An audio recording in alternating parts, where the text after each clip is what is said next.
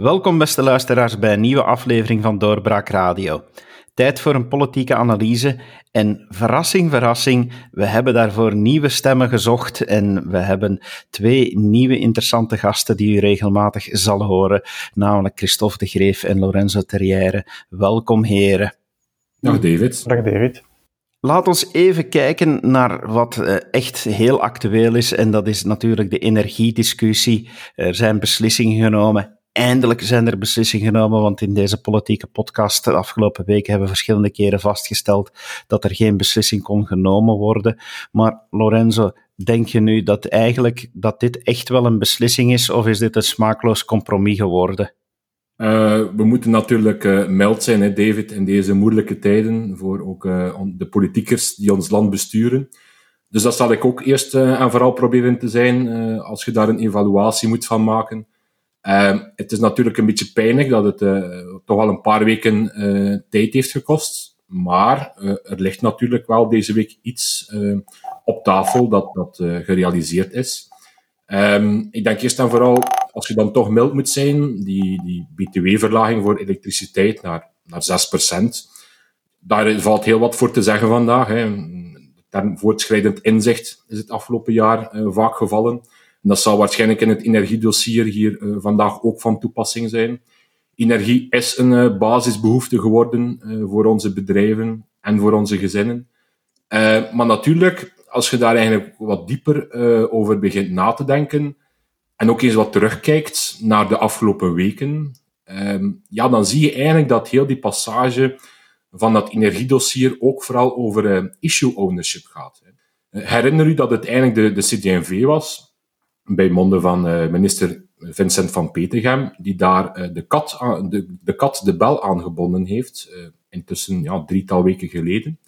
Pleitte openlijk voor een, een btw-verlaging, zowel op elektriciteit als op gas.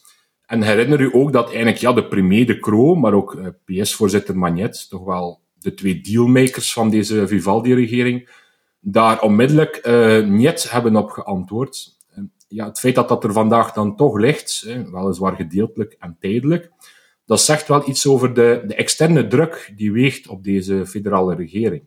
En vooral als we dan kijken naar, naar CD&V, die de kat de bel aangebonden heeft, uh, de minister die zelf ook een voorstel formuleerde, dat misschien niet op voorhand heeft uh, afgestemd uh, met andere partijen, ja, dat komt natuurlijk ook uh, voor een deeltje voort uit het idee dat de CD&V terug wat meer profiel moet krijgen. Hè. Dus de evaluatie die de partij zelf heeft gemaakt.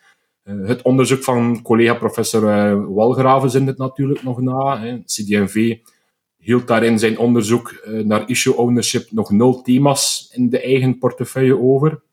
Dus dat stemt een partij natuurlijk wel tot nadenken. En ik vrees dat we dat ook een beetje hebben gezien. Uh, partijen die een paar weken uh, ja, opeenvolgend strijden over een dossier, uh, over de manier waarop dat we tot een bepaalde oplossing komen. en misschien is dat schouwspel um, vooral betreurenswaardig, eerder dan ja, de inhoud die, die vandaag op tafel ligt. Christophe, denk je dat dit het vertrouwen terug aanwakkert in de politiek, want dit lijkt me een beslissing. Oké, hoera, net zoals Lorenzo zegt, hoera, er is wel een beslissing. Uh, maar ja, geeft dit niet het gevoel aan de meeste burgers van, ja, wat zijn we hier nu eigenlijk mee? Van, uh, het is echt ja, een recept zonder zout geworden, lijkt het soms. Exact, en ik denk uh, in de perceptie van de man in de straat um, dat dit soort beslissingen eigenlijk ook alles wat gerealiseerd is wat betreft de vrijmaking van de energiemarkt, dat dit eigenlijk um, in de perceptie wordt teruggeschroefd. Ik denk dat de partij die het meest gaat spinnen bij deze, um, bij dit non-compromis, um, een partij als de PvdA is, die daar op een gouden manier op kan inzetten en die eigenlijk uh, dat gaat kunnen gebruiken om uh, tegen de kern van de zaak te pleiten, namelijk de, de vrijmaking van de energiemarkt. Want um, ik heb moeite om het te begrijpen. Um, ik heb ook niet zo lang gestudeerd, maar ik denk dat de gewone werknemende mens um, dit ook niet goed begrijpt. Iemand die gewoon snakt bij een vast contract om energie, um, een basisbehoefte zoals je daar straks terecht zei, um, om zijn energie geleverd te krijgen. Ik denk dat dat uh, een discussie is die vooral over de hoofden van de mensen gaat en dat mensen gewoon nu in deze tijden um, zekerheid willen. En de P van de A gaat daarop inspelen. En de rest van de partijen uh, gaat het zeer moeilijk hebben om daar dan op hun beurt te kunnen inspelen. Kan het zijn dat Groen door deze regeringsdeelname opnieuw, zoals de vorige uh, rood, uh, groen-paarse regering, dat ze, dat ze opnieuw klappen gaan krijgen, want dat ze voornamelijk hier op energie gaan afgerekend worden, die hoge prijzen, ondertussen die kerncentrales sluiten. Uh, ja, mensen gaan dat met elkaar in verband brengen en dan toch misschien net wel Groen als meest verantwoordelijke partij daarvoor uh, in gedachten nemen. Ik, ja, uh, inderdaad. Uh, zeg maar ook, Christophe. We, nee, zeg jij maar eerst, Lorenzo. Wel, ik denk inderdaad dat David daar een punt heeft. Uh, je merkt uh, ook in de, de, communicatie de afgelopen dagen dat ze daar niet zo comfortabel zitten. Uh, beleid voeren is natuurlijk ook één heldere lijn proberen aan te houden in, in de principes die je elke dag verkondigt. En daar is het soms moeilijk om die, die, die één heldere lijn uh, terug te vinden. Ook in dit uh, akkoord, daar is ook wel al een en ander over gezegd, uh, als het gaat over het element gas natuurlijk. mijn vrees is ook een beetje dat de mensen, ja, zoals Christophe ook al aankaartte, eigenlijk het helemaal misschien niet zullen opmerken. Hè. Het zal wat over de hoofden heen gaan. Uiteindelijk, iemand die thuis van zijn werk komt, de energiefactuur in de bus vindt, die zal vooral kijken naar het eindbedrag op die factuur. En dat stijgt nog altijd heel fors. Dus ik denk dat een aantal mensen helemaal niet opmerken dat er um, federaal een, aantal tegemoetkomingen zijn gebeurd of zullen gebeuren. Um, dus dat is wel niet zonder gevaar ook natuurlijk voor die regeringspartijen, die daar uiteindelijk ook voor verantwoordelijk worden gesteld. Misschien moeten we even kijken naar wat deze regering wel nog uh, voor de boeg heeft en hopelijk betere beslissingen kan innemen. Uiteindelijk, we staan voor een begrotingsoefening. Uh, Lorenzo, zie jij deze regering daar nog, nog knopen gaan in doorhakken of gaan we daar allemaal naar zo'n eindeloos gebakkelei gaan? Nu, ik denk dat we een beetje de aperitief hebben gehad van uh, wat zal volgen inderdaad uh, in maart. Hè. In maart komt er natuurlijk een belangrijke begrotingsopmaak terug uh, op die regering af. dat is traditioneel al ook weer een, een strijd van, van een, een ettelijke weken. Dus ik stel vast dat we hier eigenlijk een drietal weken hebben gepraat of, of gediscussieerd over een maatregel die ja, 1 miljard euro, maar eigenlijk netto 300 miljoen euro kost aan de federale regering. Dus de vrees is een beetje dat we daar uh, met hetzelfde probleem gaan uh, terug te maken krijgen. Wat dat je merkt is dat uh, door het huidige energieakkoord dat nu werd gesloten, federaal eerst en vooral probeert die hete aardappel van dat energiedossier wat terug te kaatsen naar de regionale regeringen. Het is nu eigenlijk aan die regionale regeringen om op hun beurt opnieuw een duit in het zakje te doen. Dus men hoopt een beetje federaal dat, dat die discussie over die stijgende energieprijzen uh, tijdelijk uh, wat gaat liggen. Maar natuurlijk, een aantal andere discussies staan uh, zeker en vast terug aan de deur te kloppen. Um, wat je daar natuurlijk ziet, is dat we eigenlijk um, ja, vooral een, eenmalige en tijdelijke maatregelen hebben gezien de afgelopen maanden. En waarschijnlijk wordt dat ook uh, een, een, belangrijk recept om ook in maart uh, die moeilijke oefening te gaan doorworstelen. Um, je zit er natuurlijk met zeven partijen samen, uh, vier verschillende ideologieën. Om dat allemaal aan elkaar te verbinden, het zal niet evident zijn. Um, wat je natuurlijk wel voor ogen moet houden, is dat deze regering absoluut ook wel nog een aantal zaken op, op haar palmares wil krijgen we zitten natuurlijk in een van de laatste jaren waarin echt volwaardig beleid kan gevoerd worden, zonder dat er echt verkiezingen uh, voor de deur staan. Dus ik denk dat elke minister toch wel nog uh, een aantal zaken in de schuif heeft die, die hij of zij absoluut wil gerealiseerd zien. En dan is maart en, en ook juli, de periode van de, de Belgische feestdag, 21 juli, altijd nog een, een zeer belangrijk moment. Um, nu, ja, de, de Belgische politiek bestaat inderdaad uit compromissen. En uh, vaak worden dan een aantal zaken aan elkaar gebonden. Um, en ik denk dat dat de hoop is van een aantal vakministers, om op die manier toch nog iets moois te kunnen, uh, te kunnen opleveren. Maar, maar nogmaals, ik denk inderdaad dat de constructie van, van zeker ook die federale regering momenteel het echt niet gemakkelijk maakt om daar uh, tot een elegante besluitvorming te komen. Um, dus dat, dat wordt nog wel een, harde noot om te kraken in maart.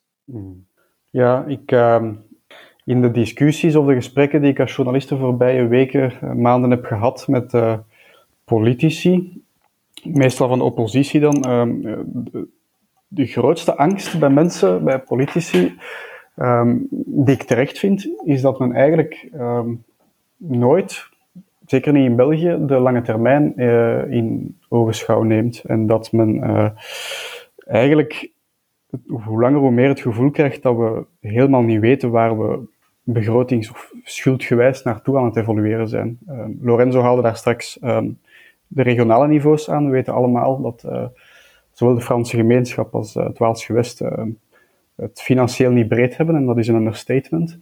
Um, dat men eigenlijk vreest dat um, Wallonië in een soort van Grieks scenario terecht dreigt te komen. Um, ik was afgelopen week, vorige week, sorry, op een persconferentie nog van de Brusselse NVA, waarin dat men goede punten aanhaalde. Uh, men, men, stelde de regering voor voort, de Brusselse regering voor voort, uh, drie in gebreken, omdat daar ook uh, de nodige financiële problemen aan de horizon opduiken. En opnieuw een understatement. Um, maar wat mij het meeste van die persconferentie bijbleef, is dat een van die Brusselse parlementsleden van de NVA, Sieltje van Achter, zei van, ja, maar eigenlijk, Christophe, we weten niet waar we naartoe gaan. We, we, voeren oppositie, we, we, we en we worden daarvoor geloofd ook door andere politieke partijen, zelfs Franstalige partijen, de MR en de NVA voeren eigenlijk een soortgelijke oppositie in Brussel. Maar het, het, het glijdt als water van een eend af van de gezagsdragers van de uitvoerende macht van de regering vervoerd. Men, men lijkt als een konijn naar een lichtbak te kijken en men, men denkt van, och ja, het zal onze tijd wel duren en men heeft eigenlijk voor de toekomst, voor de komende jaren geen plan, terwijl dat de schuld in Brussel dan in concreto eigenlijk jaar na jaar tot 2025 uh, eh, blijkt te stijgen. Dus dat is iets dat ik eigenlijk, uh, waar ik banger van ben in plaats van, in plaats van de discussies uh, die we af en toe voeren over concrete begrotingen, omdat het is, de begroting is één zaak, maar dan de, financiële achtergrond um, van een, een, staat of een deelstaat waartegen die zich um, afzet, dat is iets heel anders. En daar, ja, in, in de jaren eind jaren 90 hadden we nog de, het streven naar de Maastricht-norm. Dat was dan eigenlijk nog een algemeen en langdurig streven van iemand als Jean-Luc Dehaene om, om op de langere termijn proberen een, een, een, een, Belgisch probleem aan te pakken. Ik zie niks soortgelijks. Ik zie ook een evolutie waarin dat uh, sommige aspecten van het uh, Belgische en Brusselse opnieuw beleid, zoals bijvoorbeeld de kilometerheffing die Brussel eenzijdig wil invoeren, um, er is geen geld, dus wat doet men? men? men? zoekt eigenlijk naar Europees vers gedrukt geld, naar Europese subsidies, om dat alsnog te proberen te realiseren. Um, ik weet echt niet waar dit gaat eindigen, want het, ja, dat is, het, het wordt eigenlijk een, een zeer uh, uh, virtuele oefening ook allemaal. Uh, als het Europese niveau dan ook nog eens rechtstreeks in, in deelstaten gaat interveneren om zoiets als een kilometerheffing, de infrastructuur daarvoor, um, te kunnen maken. Ja, ik, ik weet het niet. Is dat dan misschien het grote probleem op dit moment, dat uh, regeringen, en dan praat ik in meervoud, het al zo moeilijk hebben om ad hoc beslissingen te nemen, dat er geen lange termijn meer lijkt in te zitten? Is, is dat een tendens die jij ook ziet, Lorenzo? Voor een deel uh, zal dat zeker een belemmering zijn, hè, die, die korte termijn, uh, om een aantal zaken te moeten opleveren naar de burger toe wij zitten er altijd uh, ja, steeds dichterbij op te kijken, uh, op een aantal zaken die, die al dan niet positief voor ons uh, uitdraaien als een regering iets beslist. Dus je merkt wel dat die politici misschien nog wel meer dan vroeger onder een bepaalde tijdsdruk staan om, om een aantal correcte zaken te beslissen. En begroting is natuurlijk een instrument om beleidsmarge al dan niet te creëren. Hè. Dus het is inderdaad wel zo, zoals Christophe zegt, Mensen kijken vooral naar het eindresultaat, naar, naar wat er uh, beweegt in de samenleving. Politici kijken vaak naar de overheidsrekeningen om dan eigenlijk te kunnen uh, afwegen wat er al dan niet uh, bijkomend of, ja, of in mindering moet worden gebracht qua, qua, qua, qua nieuwe zaken die, die, die worden beslist. Als je kijkt naar die, die Brusselse schuld, ja, die, die gaat inderdaad naar 200% in, in 24. Mm -hmm. In Wallonië zit men daar nu al aan die 200%. Mm -hmm. Dus dat wil uiteindelijk zeggen dat er bijna geen beleidsmarge is um, ja, om, om, om, om goede zaken te doen voor, voor de mensen, om een aantal um, om een aantal prijsverlagingen te doen voor, voor essentiële diensten. Uh, daar ligt het momenteel heel moeilijk. Hè. Vlaanderen zit, zit bijna tegen 100% in, in 2024. Um, streeft ook naar een begrotingsevenwicht. Dus daar zou je kunnen zeggen dat er wel meer beleidsmarge is om nieuwe infrastructuurwerken bijvoorbeeld te gaan opzetten de volgende jaren. Um, de schuld die gaat ook altijd samen met de interestlasten. En mm -hmm. het is zo dat de rating, de rating voor Brussel en Wallonië, recent ook verlaagd werd. Die ligt nu lager dan voor de Vlaamse uh, overheidsschulden. Dus dat wil uiteindelijk zeggen dat een overheid ook meer moet betalen om die schulden te kunnen blijven uh, aflossen. En ook dat kost opnieuw uh, beleidsmarge. En dat krimpt eigenlijk uw speelveld uh, steeds verder in en stemt waarschijnlijk een aantal mensen in het zuiden en in het midden van ons land uh, tot wanhoop. Want dat vermindert natuurlijk uw, uw mogelijkheid om tijdens, tijdens de legislatuur, ook al zit u zelf aan het stuur in de auto, om überhaupt uh, nieuwe zaken te gaan, te gaan realiseren. Mm -hmm.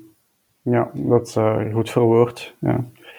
Ik denk dat ja, het misschien wel moeilijk is voor deze Vivaldi-regering om, om de paradoxen die erin zitten, om die te overstijgen. Uiteindelijk, je zit daar met langs de ene kant liberalen, langs de andere kant uh, rood-groen.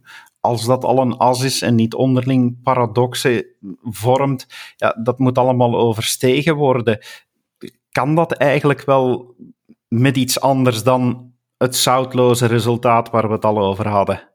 Ja, ik keer dan misschien terug op een, uh, op een puntje dat ik eerder aanhaalde, namelijk als je echt goed bestuur wilt voeren en als je wilt dat mensen jou herkennen als een, uh, een beleidsmaker pur dan is het belangrijk om in je beleid ook één heldere principelijn te proberen aan te houden. Een aantal principes die je altijd voorop stelt en, en die je eigenlijk in elk dossier dat je elke dag tegenkomt, wat probeert uh, in te huldigen.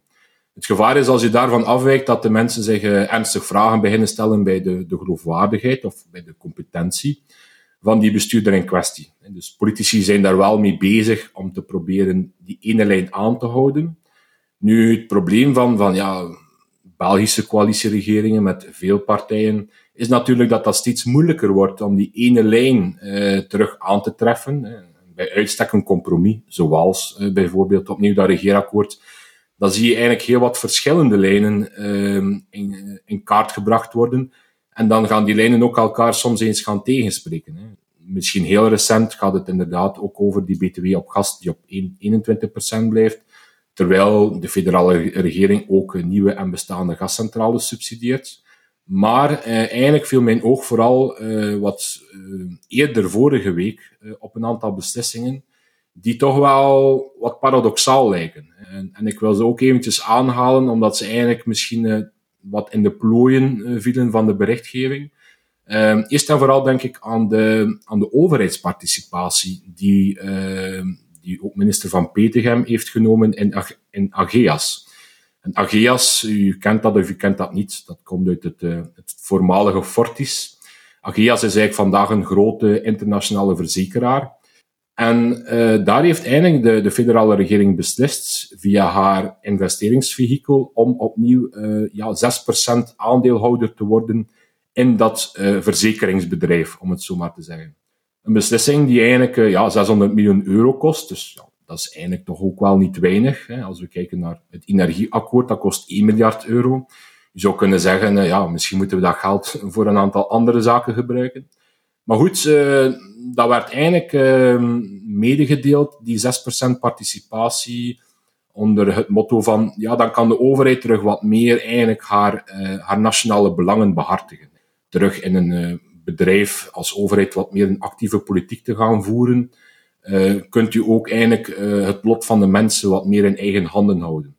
Dat zit ook een beetje ehm, in, dezelfde, in hetzelfde discours als Thomas Dermin, die eigenlijk ook als staatssecretaris duidelijk voorstander is van een actievere politiek in een aantal sectoren, in een aantal strategische sectoren, om het land en om de eigen inwoners beter te gaan beschermen tegen externe invloeden. Nu, ja, die participatie in Ageas is één zaak, maar dan kwam een aantal dagen later het Bpost-verhaal naar boven, uh, waarbij dat een overheidsbedrijf eigenlijk een keten van 170 krantenwinkels uh, verkoopt aan een, een private um, gokspeler, als ik het goed heb begrepen. Daar was wat kritiek uit uh, de oppositiehoek, maar daar wist de minister eigenlijk, de minister mevrouw De Sutter van Groen, eigenlijk te zeggen, ja, um, wij kunnen daar eigenlijk weinig aan doen. Hè. Dus um, wij kunnen die verkoop eigenlijk niet tegenhouden. Nu, dat is een beetje paradoxaal, want de overheid heeft vandaag een absolute meerderheid in, uh, in Bpost. Hè. Dus het is zo dat Bpost nog altijd een overheidsbedrijf is, puur sang. Uh, en dan zou je eigenlijk verwachten dat voor een dergelijke strategische verkoop van, uh, als het ware, activa, van toch wel essentiële assets, dat je dan zou kunnen als overheid, als meerderheidsaandeelhouder, een, een red flag um, ophijsen. Maar dus daar, op dat moment is dat argument blijkbaar niet van tel. En dat is dus wel een beetje bizar. Hè? Als je enerzijds zegt, we gaan uh, opnieuw actiever um, aandelen kopen in bijvoorbeeld een verzekeringsbedrijf om nationaal een aantal belangen te kunnen beschermen, hè? met name 6% uh, in het uh, verhaal van Ageas, maar dan bij de eerste, de, de beste strategische beslissing in een andere sector, waar u als overheid aanwezig bent, met name Bpost, ja, dan, uh, dan is dat argument niet van tel. Dus dat was toch wel een beetje bizar, uh, vond ik. En dan een tweede element, een tweede beslissing, die wat tussen de plooien van de berichtgeving viel, uh, vond ik toch, is eigenlijk um, een, be een beslissing die mij verraste, maar zeker ook niet onaangenaam is. Namelijk, er wordt 14 miljard euro extra in defensie geïnvesteerd de volgende acht jaar. Dus 14 miljard, toch wel een zeer belangrijk bedrag. Uh, werd gecommuniceerd door onze minister van de PS, mevrouw De Donder. Nu, dat kwam zeer snel en onverwacht eigenlijk naar buiten, die, die beslissing. Um, maar dat staat dan ook weer een beetje in, ja, misschien zelfs in contrast met de, kostprijs van het energieakkoord. Dat is 1 miljard euro, waar we toch wel drie weken over hebben gediscussieerd. En ik moest vooral terugdenken aan een, aan een mooie affiche van de SPA destijds, uh, waarbij dat een uh, F-35 straaljager voorbij vliegt. en dan zitten daar ook twee gepensioneerde mensen op een, op een bankje, met de mededeling, daar gaat uw pensioen. Dus, een paar jaar geleden was het voor de socialisten volgens mij bijna ondenkbaar dat we het defensiebudget met 14 eh, miljard euro zouden eh, verhogen. Eh, vooral vanuit de oppositie hadden zij daar toch wel zeer ernstige vraagtekens over beslissingen die, toe, die, die, die werden genomen.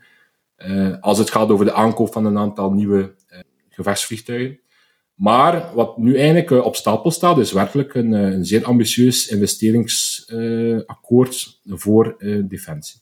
Dat zijn toch wel een aantal paradoxen in het, in het huidige regeringsbeleid, waar je, waar je eventjes bij stilstaat en uh, waar je toch ook wel de vraag moet stellen uh, dat die één heldere lijn niet verloren gaat bij die beleidsmakers in kwestie. -hmm. Ja, het is inderdaad zo dat de linkse partijen, de socialistische partijen, um, zowel vooruit als de PS, um, een militantere, militairdere toon lijken aan te slaan. Niet alleen in, in, in deze discussie, goede opmerking over, over defensie trouwens, uh, Lorenzo, maar ook in bijvoorbeeld zoiets als, uh, als, als de hele COVID-discussie, waarin dat een partij als vooruit volop voor de zij vullen gemeenschapsdenken op die manier in. Zij gaan opnieuw een zeer actieve staat, een zeer militante staat, die eigenlijk voor sommige zaken om, om, op, op oorlogspad gaat, letterlijk. Um, Paul Magnetti bijvoorbeeld in Le Soir van afgelopen weekend zegt dat hij voorstander is van een vaccinatieverplichting en een vaccinatiepas. Dat zijn zo van die dingetjes die dat ik opmerk ook, die dat uh, duiden op uh, de socialisten, die een, een, zeer duidelijk en, ja, sorry voor de overdrijving, maar een, een, militaristischer profiel aan zich aanmeten. Wat je daar nu net zegt, Christophe, ja, merk je dat ook niet in commentaren die werden gegeven op de verschillende hoe, moeten we ze noemen, die betogingen, anti-corona, anti-CST-betogingen. Maar de reacties daarop, die, die waren toch soms ook wel dat je zei van, wow, maar eigenlijk waren die betogingen voor waarschuwen, dat zie je toch net wel wat terug in die reacties over hoe men met onze vrijheden omgaat. Ja, dat kadert voor mij een bredere discussie. Ik vraag me dan altijd af, uh, en dit is geen oproep uh, tot geweld. dit is ook geen oproep om, uh, om, om geweld zomaar blauw-blauw te laten. Of moet ik zeggen rood-rood in deze. um, maar ik vraag me af of die mensen um, niet ook gesocialiseerd zijn in de 20e eeuw, waarin dat een stad als Brussel toch altijd um, heel wat betogingen, vaak gewelddadig, om wat voor reden dan ook, uh, over de vloer hebben gekregen. En op die, over die militaristische lijn, ja, het valt dus ook opnieuw op dat Philippe Kloze, de socialistische burgemeester van de stad Brussel, die al die betogingen, uh, kan ik ergens wel begrijpen, die al die betogingen op zijn grondgebied ook wel soms kotsbeu wordt, dat hij um, in uh, Franstalige kranten, La Dernière Heure in concreto, um, ook eigenlijk uh, afgelopen maandag opriep om, om, om eigenlijk het demonstratierecht aan banden te leggen. Hij noemt dat niet zo. Hij zegt van we moeten eigenlijk, we hebben een wet nodig, zoals de voetbalwet, die hooliganisme aan banden legt. Um, zou er eigenlijk een betogingsverbod voor uh, recidivisten um, uh, moeten komen. Klinkt goed. Uh, niemand is voor geweld. Um, het zal ook maar een handelszaak zijn in Brussel die kort en klein wordt geslagen. Daar hebben we alle begrip voor. interessanter ook in dat licht was dat La Dernière Heure op, op onmiddellijk naast dat artikel van Philippe Kloze, over Philippe Kloze, zijn, uh, zijn voorstel, de Franstalige Ligue des Droits des Hommes um, interviewde, die zei van, ja, met de huidige wetgeving, ik zie het nog niet direct gebeuren. Ik vraag mij ook af of dit soort voorstellen de constitutionele toets gaat doorstaan. Uh, want het is natuurlijk wel betogingsrecht aan banden leggen. Um, ja, het zijn, uh, het zijn, het is, een bredere discussie. Men, zoals je daar straks zei, David, de, de reacties op die voorbije demonstratie waren. ik vond eigenlijk dat ze wel meevielen, maar vanuit socialistische hoek opnieuw heb je toch die, die flinkse houding van het moet maar eens gedaan zijn. Uh, ja, ik, dus we weten ook allemaal dat vakbondsbetogingen van uh, vooral de socialisten zijn ook niet altijd uh, van de poes zijn. Uh, en soms vrees ik dat we een beetje het historisch perspectief verliezen, waarin dat um, betogingen voor veel emotie zorgen en dat er inderdaad altijd, uh, soms sneuvelt er een ruit, ja. Um, maar de reacties daarop, ja, het is natuurlijk gratis informatie die je krijgt. Hè. Mensen zijn kwaad. Nu is dat over, over COVID dat ze kwaad zijn. Um, ik vind dat toch uh, soms onzacht om daar dan uh, onnadenkend dat proberen aan banden te leggen.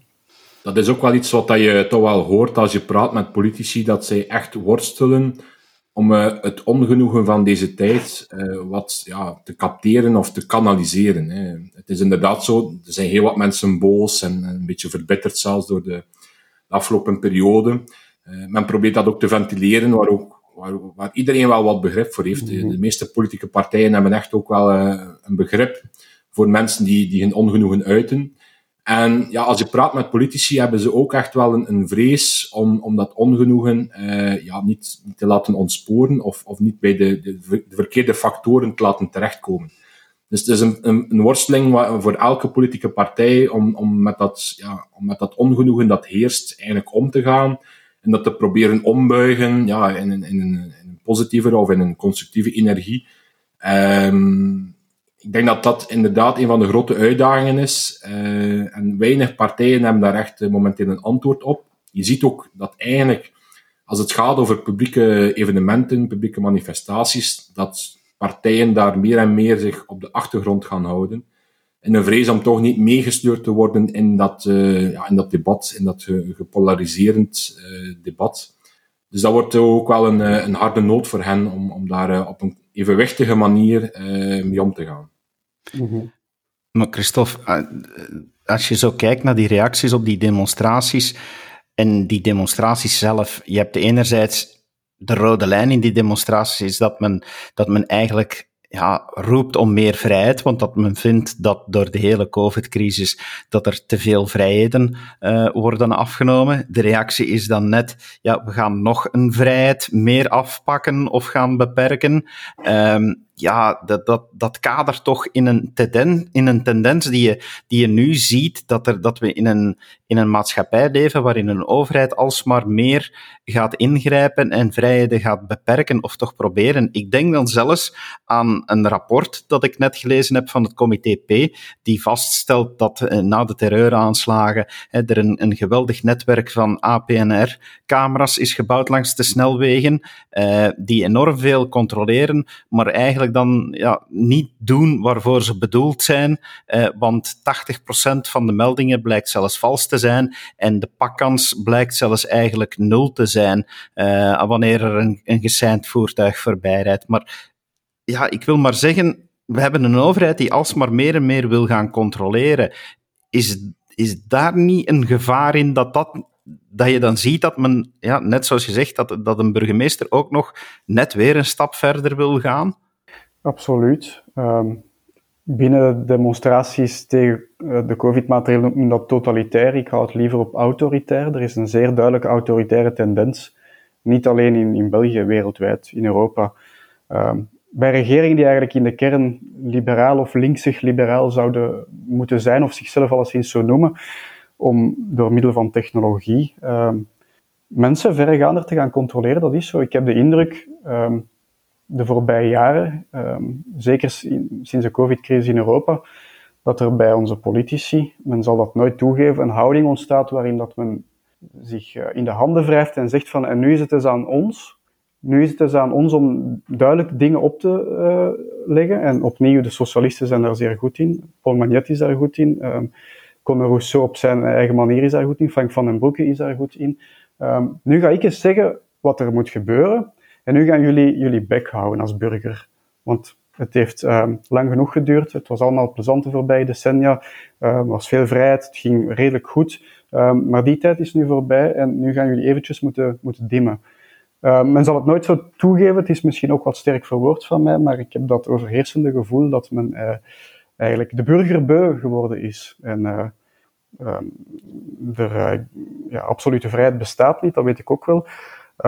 Maar het gaat zo ver dat hem eigenlijk verworvenheden, um, inzichten, um, zoals bijvoorbeeld van Alexis de Tocqueville. Hendrik Vuijn heeft eergisteren in de commissie uh, die zich boog over de vaccinatieplicht uh, een uiteenzetting gegeven waarin dat de Tocqueville meermaals werd uh, geciteerd. Ik krijg de indruk dat men dat vanuit de huidige politiek, zelfs dat, de Tocqueville, zijn visie op democratie, dat een, een samenleving besturen, besturen dat dat niet zo gemakkelijk is, dat dat een evenwichtsoefening is, dat je heel voorzichtig moet zijn, dat dat een zaak is van sentimenten, niet alleen van rationaliteit en van wetenschap, dat dat eigenlijk als extremisme begint te gelden. Dat onze politici dat veranderen door een, een zeer technocratisch, technologisch model, waarin dat de burger inderdaad um, in veel aspecten van zijn leven gecontroleerd zal zijn. Of dat dan, zoals je zegt, David, efficiënt is uh, om daadwerkelijk criminaliteit of daadwerkelijke malversaties tegen te gaan, dat is een andere zaak. Maar het gevoel overheerst wel dat de burger zich een beetje koester moet gaan houden dan, uh, dan de voorbije decennia, begin van de 21ste eeuw, het, uh, of zeker het einde van de 20ste eeuw, het geval was. Denk je dan ook niet, Christophe, om, om daar even van jouw expertise als journalist gebruik te maken, dat het tegengewicht dan voornamelijk naar zo'n Jij gebruikte het woord autoritair, eh, naar zo'n autoritair beleid, dat het tegenwicht moet komen van de media, de vierde macht. En ja, dan bijgevolg stel ik meteen de vraag, vind je dat de media daar genoeg in doen? Nee, de media zijn eigenlijk, de, de mainstream media zijn, wat uh, mijn visie betreft, zijn die eigenlijk in dat autoritaire model aan het meestappen. Er zijn bepaalde um, er is een bepaalde ideologie die die naam niet draagt. Um, het, klimaat is uh, iets uh, anders dat op ons uh, bord gaat gelegd worden als de covid-crisis voorbij is. Waarin dat er één lijn is en waarin dat er eigenlijk zeer weinig um, tegenspraak, normale tegenspraak wordt geduld. En als er dan toch tegenspraak is, um, dan heet dat direct polarisering te zijn. je haalde daar straks ook het wintermanifest aan, heel terecht, waarin dat de vierde macht ik vond dat eigenlijk heel voorzichtig um, werd verweten dat, er, uh, dat ze niet voldoende hun best hadden gedaan, dat ze niet voldoende vierde macht waren geweest. Dat werd, was vrij zacht verwoord, vond ik. Uh, de vierde macht, de media, uh, maakt daar direct een heel spel van. Um, is in zijn gat gebeten, om het uh, op zijn schoon Vlaams te zeggen. En gaat daar zeer slecht mee om. Dat ik denk van, als dat al polarisering is, gewoon het probleem opwerpen, dan, dan, dan, dan, dan ja, help. Wat gebeurt er? Journalisten zouden net ik huldig altijd de regel, um, als journalist moet je proberen naar boven te stampen. Je moet niet naar beneden stampen. Um, er is maatschappelijk ongenoegen, probeer dat eerst en vooral eens te begrijpen. Probeer dat dan ook te verwoorden, want uh, niet iedereen kan dat ook altijd even goed verwoorden op een manier die politici uh, doet luisteren. Uh, maar bij de mainstream media merk ik eigenlijk een tendens, het omgekeerde. Er wordt van boven naar beneden gestampt, er worden eigenlijk uh, casus meegegeven. Dus de vierde macht speelt zijn rol uh, eigenlijk niet en is ook zeer, zeer slecht in, uh, in, in zelfkritiek. Dat is altijd zo geweest, maar ik heb de indruk dat het erger wordt. Lorenzo, jij bent politicoloog, dus nu ga ik even op jouw expertise uh, intappen. Um, binnen, binnen die regeringen, we hebben het uh, daar straks er al over gehad, van hoe, hoe moeilijk het een, een compromis is, maar je hebt dan ook partijen die, uh, die nu binnen of buiten die regering sowieso een probleem hebben met zichzelf een houding te geven. Bij NVA zie ik daar de, de dubbele houding met Vlaams leidende partij, federaal oppositie. Um, en dan anderzijds, om, om er twee in één keer te nemen en, en jou de vraag te stellen wat je van beide vindt, zie je toch ook CD&V die krampachtig op zoek uh, gaat naar waar, waar zij zich een smoel moeten aanmeten en welk profiel ze moeten hebben. Dat, dat, daar zit toch ook uh, die houding en die houding tussen die twee. Ja, hoe, kijk jij daarnaar? -hmm. Ja, ik denk dat dat een interessante vraag is, omdat dat ook raakt uh, aan wat zaken die wat meer fundamenteel zijn. Hè. We hebben hier een aantal dossiers besproken die over de dagjespolitiek gaan of over het meer het actua-debat. Maar eigenlijk is het ook niet onbelangrijk om als, of als observator of als geïnteresseerde eens wat vooruit te kijken naar wat nog komt. Uh, wij zijn daar misschien af en toe mee bezig, maar ook partijen zijn daar vast en zeker uh, wat, fundamenteel, wat funda fundamenteeler mee bezig. En als je dan eigenlijk kijkt naar de twee partijen die, die je nu noemt, N-VA en CD&V, uh, dan wordt dat niet onbelangrijk om te gaan zien hoe zij zich gaan positioneren, ook tegenover elkaar de, de volgende maanden. wat je daar eigenlijk ziet, N-VA is nog altijd de grootste partij in het, het federaal parlement en in het Vlaams parlement. Zij hebben eigenlijk um, ja, de laatste twee jaar toch wel een vrij forse strijd gevoerd tegenover, uh, zeker federaal, tegenover natuurlijk de partij van de premier, waarmee dat er duidelijk een haar in de boter zit. Uh, dat is een duidelijke keuze geweest om eigenlijk toch wel een aantal pijlen te richten op, op de VLD vanuit NVA-zijde. Uh, je merkt dat dat ook een aantal ja, nefaste gevolgen heeft. Hè. Er zijn letterlijk een paar wielen van de wagen uh, gevlogen de afgelopen maanden, de afgelopen twee jaar misschien zelfs. De VLD onderleidt ook wel wat schade. Hè. Als je kijkt naar de meest recente peiling, eh, voor wat het waard is, dan stel je vast dat die partij vandaag op een 10% staat. Dus een verlies van een drietal procenten. Um, maar anderzijds heeft N-VA eigenlijk verrassend weinig pijlen gericht op die andere uh, Vivaldi-partij, met name CD&V. En als je eigenlijk daar wat meer in gaat graven, als je spreekt, spreekt met beide kanten, dan stel je vast dat beide partijen zeggen, ja, maar wij, wij, wij sparen elkaar een beetje. Wij ontzien elkaar een beetje in de, in de kritiek, omdat we beseffen, of, of dat we vaststellen, dat we eigenlijk uh, ja, toch wel een beetje elkaars objectieve bondgenoten zijn voor wat nog komen gaat. Toch wel misschien ook een opmerkelijke uitspraak als je die mhm. van twee kanten hoort. Uh, men denkt natuurlijk naar 2024 toe, uh, eventuele staatshervorming. Maar dat is natuurlijk ook uh, op zich geen ongevaarlijke houding als oppositiepartij. als NVA zijnde, federaal, als u echt wilt opnieuw gaan wegen in 2024, als u opnieuw in het bestuur wilt zitten, als u opnieuw de grootste wil worden, dan zal waarschijnlijk elke stem tellen, zal waarschijnlijk elk percent nodig zijn. dus wat, wat ik eigenlijk vandaag vaststel, als je die, die sparende houding ziet um, van die twee partijen tegenover elkaar, en dan met name N-VA die, je moet dat eens wat gaan bekijken, N-VA die toch wel de CD&V-ministers wat spaart uh, bij gelegenheid. de pijlen worden niet altijd op mevrouw Verlinde gericht of op meneer Van Petegem, maar vaker op een aantal andere excellenties in die Vivaldi-coalitie. En dat is zeker niet altijd toevallig.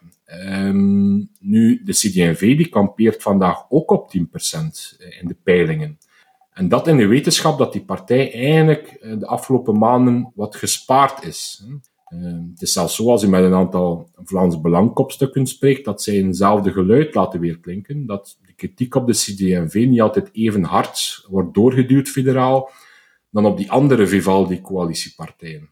Dus dan is mijn bedenking eigenlijk meer structureel of meer fundamenteel naar 2024 toe, als het echt uh, om elke stem gaat. De afgelopen twee jaren heeft N-VA veel pijlen gericht op de VLD, uh, met, een duidelijke, met een duidelijke missie. Men heeft daar 3% van afgekregen. Uh, de vraag is bij mij, het is een vraagteken, wat zou er gebeuren als u ook eens de, partij, de, de pijlen zou richten op de CD&V, die eigenlijk al een gewoon dier is vandaag? En welke eventuele electorale marge kun je daar uit de brand slepen? Hè? Dus is uh, misschien niet onbelangrijk om, om ook die, uh, om die afweging eens te gaan maken. Ik begrijp natuurlijk, we begrijpen natuurlijk dat er ook na de verkiezingen coalities moeten worden gevormd. Maar het is niet zo dat u als partij de luxe hebt waarschijnlijk om, om, ja, om veel partijen, veel directe tegenstrevers te gaan sparen in, in de debatten die u voert als, als oppositiepartij. Dus dat is denk ik een belangrijk vraagteken voor, voor beide partijen, hoe zij zich gaan positioneren, ook tegenover elkaar, in de ja, in aanloop naar de, de electorale kiesstrijd in 2024. Dat gaat inderdaad boeiend worden. Ik denk dat we daarmee een mooie analyse hebben gemaakt van de politieke actualiteit. Ik wil jullie heel hartelijk danken, Christophe Lorenzo. Dank jullie wel dat uh, jullie deze week hebben tijd vrijgemaakt om uh, jullie licht te laten schijnen over de Wetstraat en andere politieke straten, gehuchten, wijken en achterbuurten. Uh, Dank je wel daarvoor. Graag gedaan. Graag gedaan, David. En uw beste luisteraar, u hebt het gemerkt. We blijven uh, politiek op de voet volgen. We doen dit vanaf nu ook twee wekelijks met Lorenzo en Christophe. Dus blijf zeker luisteren en graag tot binnenkort. Dag. Dit was een episode van Doorbraak Radio, de podcast van doorbraak.be. Volg onze podcast op doorbraak.be/radio of via Apple Podcasts, Overcast of Spotify. Bezoek ook onze website op doorbraak.be en steun ons door een vriend te worden van Doorbraak.